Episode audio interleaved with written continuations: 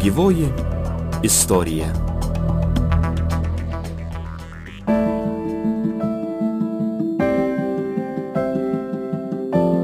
Labadiena, prie mikrofono žurnalistė Inga Berulienė. XIX amžiaus pabaigoje, XX amžiaus pradžioje moteris turėjo galimybę realizuoti save socialinėje, ypač šalpos, labdaros ar kultūrinėje veikloje. 1907 metais susikūrusi Lietuvių mokslo draugija atvėrė galimybę bendradarbiauti ir mokslo pagrindų. Moteris bandė skaityti paskaitas, rašyti straipsnius, tvarkyti biblioteką, muziejų, leisti ir platinti leidinius. Su valstybingumo atkūrimu 1918 metais Lietuvoje susidarė dar palankesnės sąlygos siekti mokslo. Įsteigti aukštieji mokslo kursai 1922 išaugę į Lietuvos universitetą.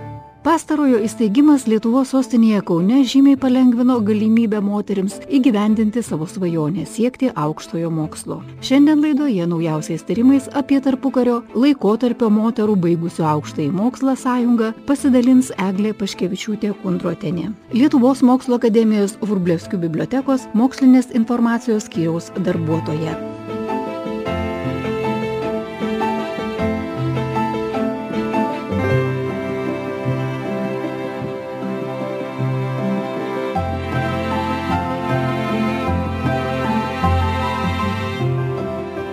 Galimybės siekti mokslo buvo tikrai nevienodos. Dažnai jos priklausė nuo šeimos išgalių supratimo apie mokslo svarbą. Lengviau mokslus eiti sekėsi dvarininkų ar tarnautojų šeimose augusioms atžaloms. Arba šeimose, kur iš giminės jau buvo baigusių mokslą, galėjo patarti praktiškais ar profesijos pasirinkimo klausimais. Net Europoje moteris aukštą išsilavinimą galėjo įgyti tik XIX amžiaus pabaigoje. Apie pirmąją moterį įsigijusią aukštąjį mokslą pasakoja Eglė Paškevičiūtė Kundrotenė, Lietuvos mokslo akademijos Vrublevskių bibliotekos mokslinės informacijos skyriaus darbuotoja. XIX amžiaus antroje pusėje išsilavinusi, o tuo labiau baigusi aukštąjį mokslą, moteris buvo tikrai retenybė ir Lietuva čia nebuvo išimtis. Nes visoje Europoje tik XIX amžiaus antroje pusėje moterims atsidaro universitetų durys, pirmiausia, medicinos fakultetų. Tai Šveicarijoje 1864, Prancūzijoje 68, Anglijoje 69, Švedijoje taip pat 70 dešimtmetis. Rusijos imperijoje, kuriai priklausė ir Lietuva, didžioji jos dalis 1897 metais Peterburgė buvo atidarytas moterų medicinos institutas. Tai buvo tuo metu vienintelė ir pirmoji aukštoji mokykla skirta moterims visoje didžiulėje Rusijos imperijoje. Tačiau gana greitai situacija pasikeitė ir moterys galėjo būti priimamos į kitus fakultetus. Iš Lietuvos moteris pirmiausia pasirinko vakarų Europos universitetus, o ne Rusiją. Ir jeigu pažvelgtume į moterų socialinę padėtį, kaip nekeista, pirmoji pati pirmoji lietuvė baigusi mokslus buvo iš valstiečių, ne iš dvarininkių, kilusi Barbara Burbaitė, kuri baigė 1892 metais Ciuricho universitetą. Kaip nekeista, vėliau ši medicinos studentė Barbara Burbaitė tapo Eidukevičiane ir jos gyvenimas nukrypo visai kitur, bet ji visur fiksuojama kaip pati pirmoji. Vienos pirmųjų baigusių aukštuosius mokslus taip pat buvo gerai žinomo Lietuvos visuomenės veikėjo Augustino Janulaičio seserys. Tai būtent Veronika Janulaitytė tapusi Elseikienė, ji irgi priskiriama prie pirmųjų lietuvių baigusių aukštąjį mokslą. Valstybingumo atkūrimo priešaušryje situacija buvo tokia, kad net į pradinį mokslą mergaičių neleisdavo. Tekdavo rinktis arba kraitis, arba mokslas. Net įgyjus aukštojo mokslo diplomą, moteris mokslininkė nebuvo nei vertinama, nei pripažįstama. Kaip sako Eglė Paškevičiūtė Kundrotienė. Pirmoji profesorė medikė tai yra Vanda Mingailaitė Tumėninė, kuri baigė Berno universitetą 1911 metais ir tarpukario Lietuvos spaudoje ji figuruoja kaip vienintelė lietuvė profesorė. Medicinos fakultete dar buvo viena profesorė Vera Dančikova, bet ji nebuvo lietuvė. Susikūrus Lietuvos valstybei imta galvoti apie aukštojo universiteto kūrimą Lietuvoje kad nereikėtų moterims ir vyrams ieškoti kelių į Europą. Pirmiausia, buvo įsteigti aukštieji mokslo kursai 1919 metais Vilniuje, vėliau dėl politinių aplinkybių sostinė tapus Kaunu ir visoms įstaigoms keliantis į Kauną, aukštųjų kursų pagrindų susiformavo 1922 Lietuvos universitetas, 30-aisiais tapęs Vytauto didžiojo universitetu. Mokslo siekis labai gražiai užfiksuotas žymių moterų atsiminimuose. Medicinos profesorė Janina Matskevičaitė Lašienė prisimena, kad net į pradžios mokyklą mergaičių beveik nepriimdavo. Ji buvo gimusi 1897 metais, taigi matom kaip tik e, tų visų aplinkybių, sudėtingų politinių aplinkybių sandūroje ir per jos atsiminimus labai gražiai atsiskleidžia tos besikeičiančios sąlygos. Ji prisimena, kaip e, klebonas pastebėjo gabumą mokslams ir kalėdodamas iš tėvų net neėmė pinigų su sąlyga, kad leistų šitą mergaitę mergaitę mokytis. Visas kaimas juokėsi, kam mergaitę leisti mokytis, juk ji ištekės ir visi mokslai bus per niek. Daug protingiau krauti pasogą. Tačiau pati Janina norėjo mokytis, o ir klebonas kitais metais vėl spyrė, kodėl neleidžia tėvai merginos mokytis. Taigi, Janina buvo suruošta vykti į Šiaulius, ten nuvykus paaiškėjo, kad mergaitė per sena mokyklai. Tokių metų jau į mokyklą nebepriima. Liko vienintelis kelias - pro Dar viena istorija, kuri pasakoja apie sunkų kelią, kokį tekdavo įveikti merginoms, norint įgyvendinti, regis paprastą šiandieniniam žmogui, svajonę mokytis. Dar kitoks, bet irgi pusiau komiškas Paulinos Kalvaitytės atsiminimų atvejis. Ji truputį vyresnė, gimusi 1886 metais, dar ankstesnių laikų, aprašo atvejį, kuomet siekiant medicininio išsilavinimo dirbo medicinos sesele.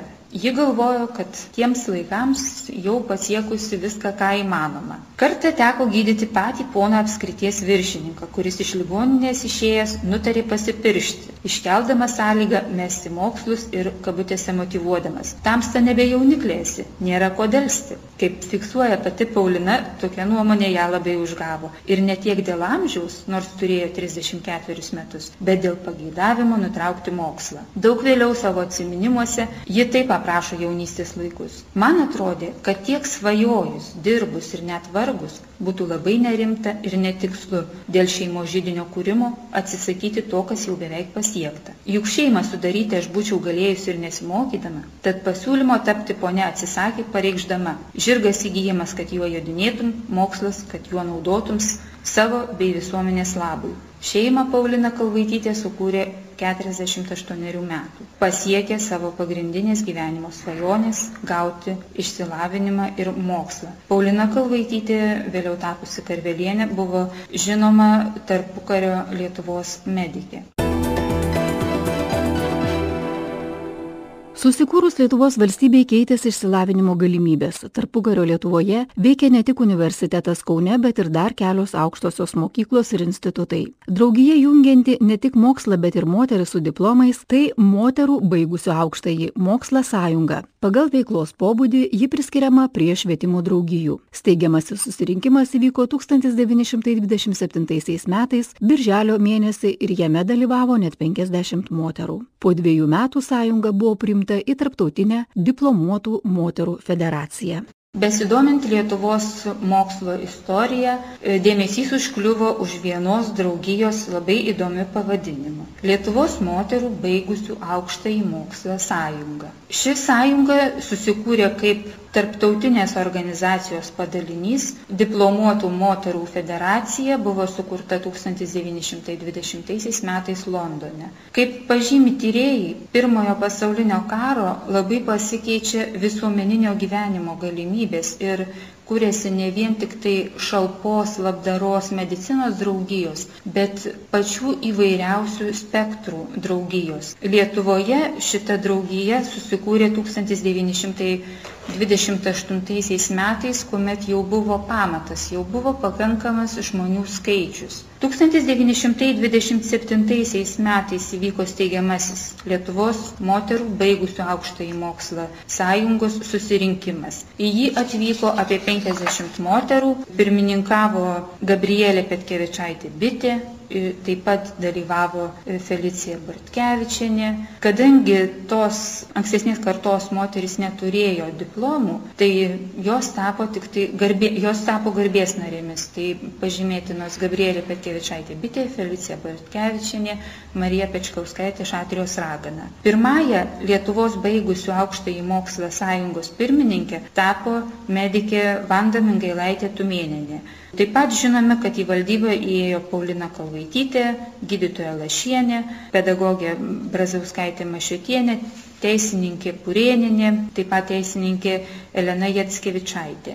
Organizacija, kadangi buvo tarptautinės organizacijos padalinys, ji veikė remdamasi tiek Lietuvos įstatymais, tiek atsižvelgdama į tarptautinės sąjungos tikslus ir uždavinius. Diplomuotų moterų sąjunga siekia kelti kultūrą ir švietimą, paskatinti moteris, užsimti intelektualią veiklą ir remti jų pastangas šioje srityje, ugdyti tarp moterų solidarumą ir tokiu būdu jungti moteris į bendrą veiklą. Organizacijos darbas vyko dviem kryptimis. Lietuvoje sąlygos šitai organizacijai veikti buvo ribojamos ir Lietuvos įstatymų, ir dar vieno tokio svarbaus punkto. Kitose Europos šalyse visos moterys baigusios aukštąjį mokslą automatiškai tapdavo diplomuotos tarptautinės organizacijos narėmis. Lietuvoje reikėjo pasirinkti ir įstoti į baigusių aukštąjį mokslą moterų sąjungą. Ir tikrai žinom, kad ne visos pasirinkdavo šią sąjungą, kitos tiesiog tenkinosi aukštojo mokslo diplomu ir dirbo kitus darbus. Galima pažymėti, kad siekdama įgyvendinti savo tikslus ir plėtodama intelektualinį moterų darbą, sąjunga veikė įvairiai. Buvo steigiamos komisijos ir sekcijos,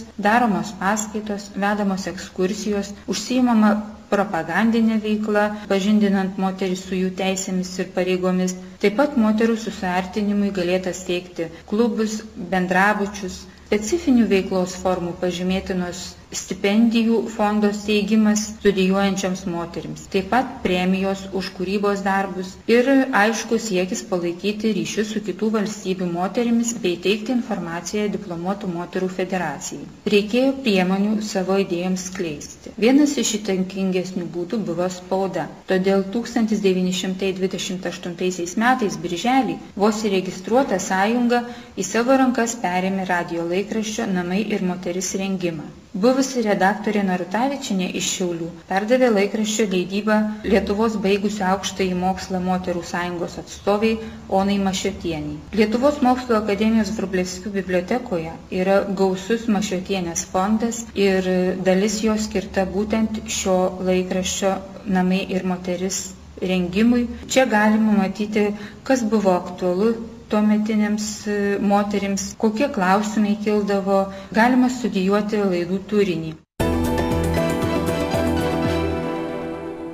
Diplomuotų moterų sąjunga galvojo ir apie savarankiško leidinio leidybą. Nors buvo leidžiamas žurnalas Moteris, jis ne visai atitiko Lietuvos baigusių aukštąjį mokslą moterų sąjungos interesus. Spaudoje pasirodė informacija, kad sąjunga sumanė leisti iš pradžių ne periodinį leidinį, kuriame būtų žinių apie akademikių moterų darbus. Šiuo leidiniu norėta paskatinti inteligentes moteris įnešti savo dalį į bendrą krašto kultūrą, kelti viešumon moterį dominančius klausimus, nušviesti Lietuvos gyvenimą. Kaip sako Eglė Paškevičiūtė Kundrotienė. Tarpukariu buvo nemažai grinai moterims skirtos spaudos, tačiau ji ne visiškai atitiko Lietuvos baigusių aukštą mokslą moterų sąjungos interesus. Buvo leidžiama žurnalas Moteris. Jį leido Lietuvių katalikių moterų draugija nuo 1920 iki 40.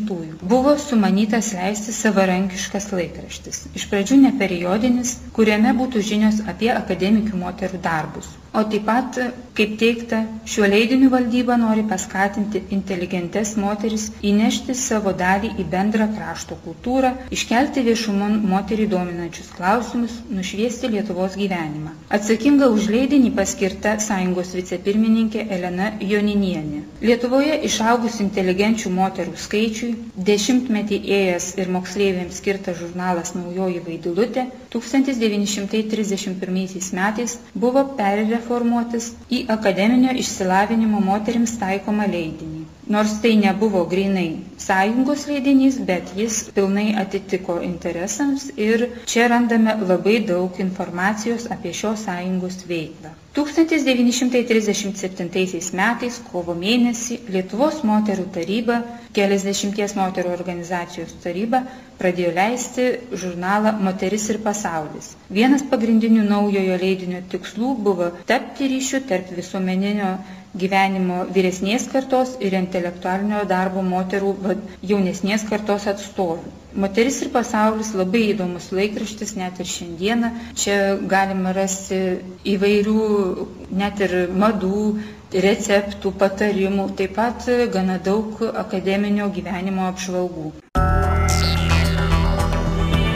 Apie istorinį kultūrinį palikimą esantį šalia mūsų. Kodėl tai galėtų būti svarbu ir įdomu? Laidoje Gyvoji istorija. Ekonomikos krizė šalyje veikia ir dar vieną svarbų įstatymų keitimą. Moterims buvo pribotos galimybės dirbti valstybinėse tarnybose. 1931 m. spaudoje labai aktualus tapo tarnaujančių moterų klausimas. Pagal statistiką valstybės tarnautojų vyrų buvo apie 21 tūkstantį, moterų tik 4 tūkstančiai. Dominavo vidurinį išsilavinimą įgyjusios moteris ir pradinį turintis vyrai. Buvo nuomonių, kad moteris neturėtų užsimti darbu, nes nuo to kenčia kenčia jų šeimos. 1931 metais susivienijo Lietuvos moterų organizacijos, vadovaujamos Lietuvos moterų tarybos ir įteikė vyriausybei memorandumą, kuriame reikalavo atleidžiant iš darbo laikytis lyčių lygybės ir niekam nedaryti išimčių. Pasauliniai situacija negalėjo neįtakoti ir Lietuvos sprendimų. Kaip žinome, trečio ketvirto dešimtmečio sandūroje pasaulį ištiko ekonominė krizė. Ekonominė krizė įtakojo ir dar vieną svarbų įstatymų keitimą Lietuvoje.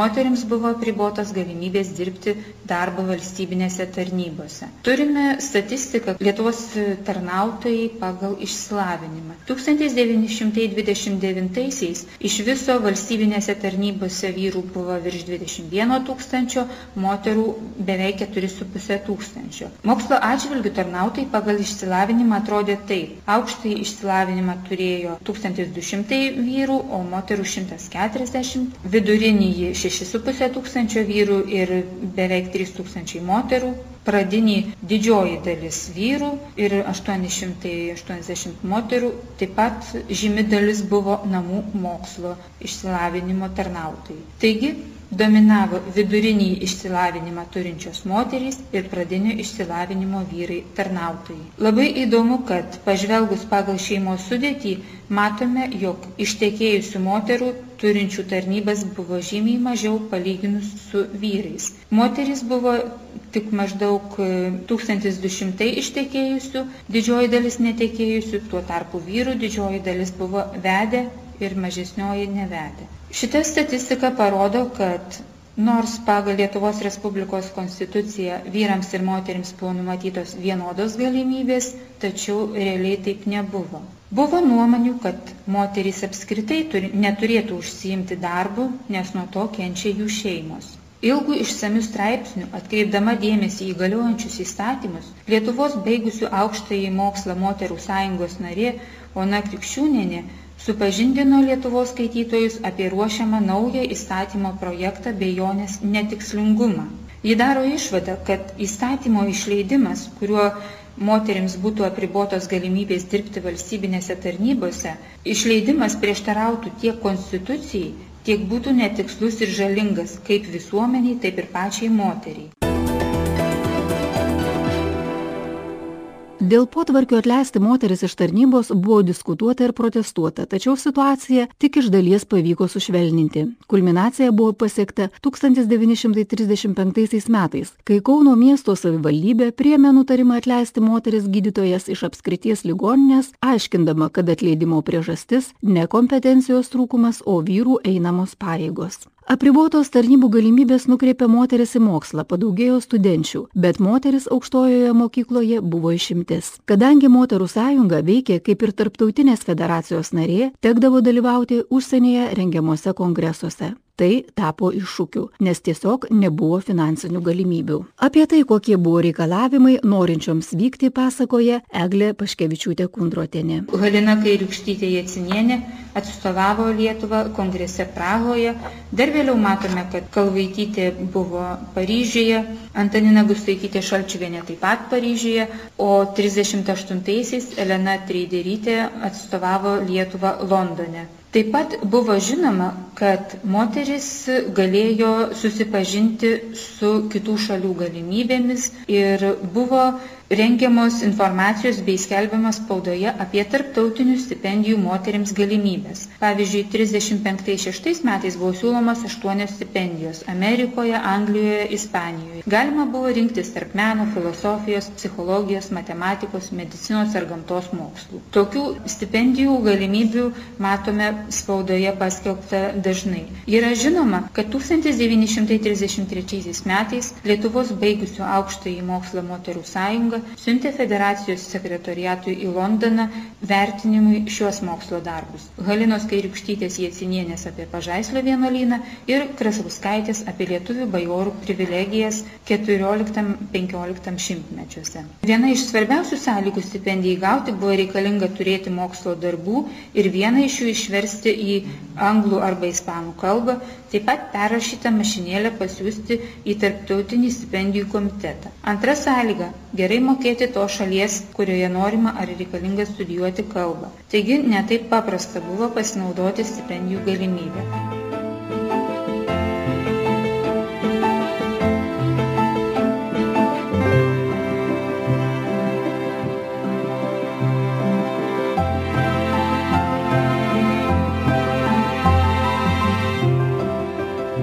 Šiandien laidoje apie tarpukario laikotarpiu įsikūrusią ir veikusią diplomuotų moterų sąjungą remiantis naujausiais tyrimais pasakojo Eglė Paškevičiūtė Kundratienė, Lietuvos mokslo akademijos Vrublevskių bibliotekos mokslinės informacijos skyriaus darbuotoja.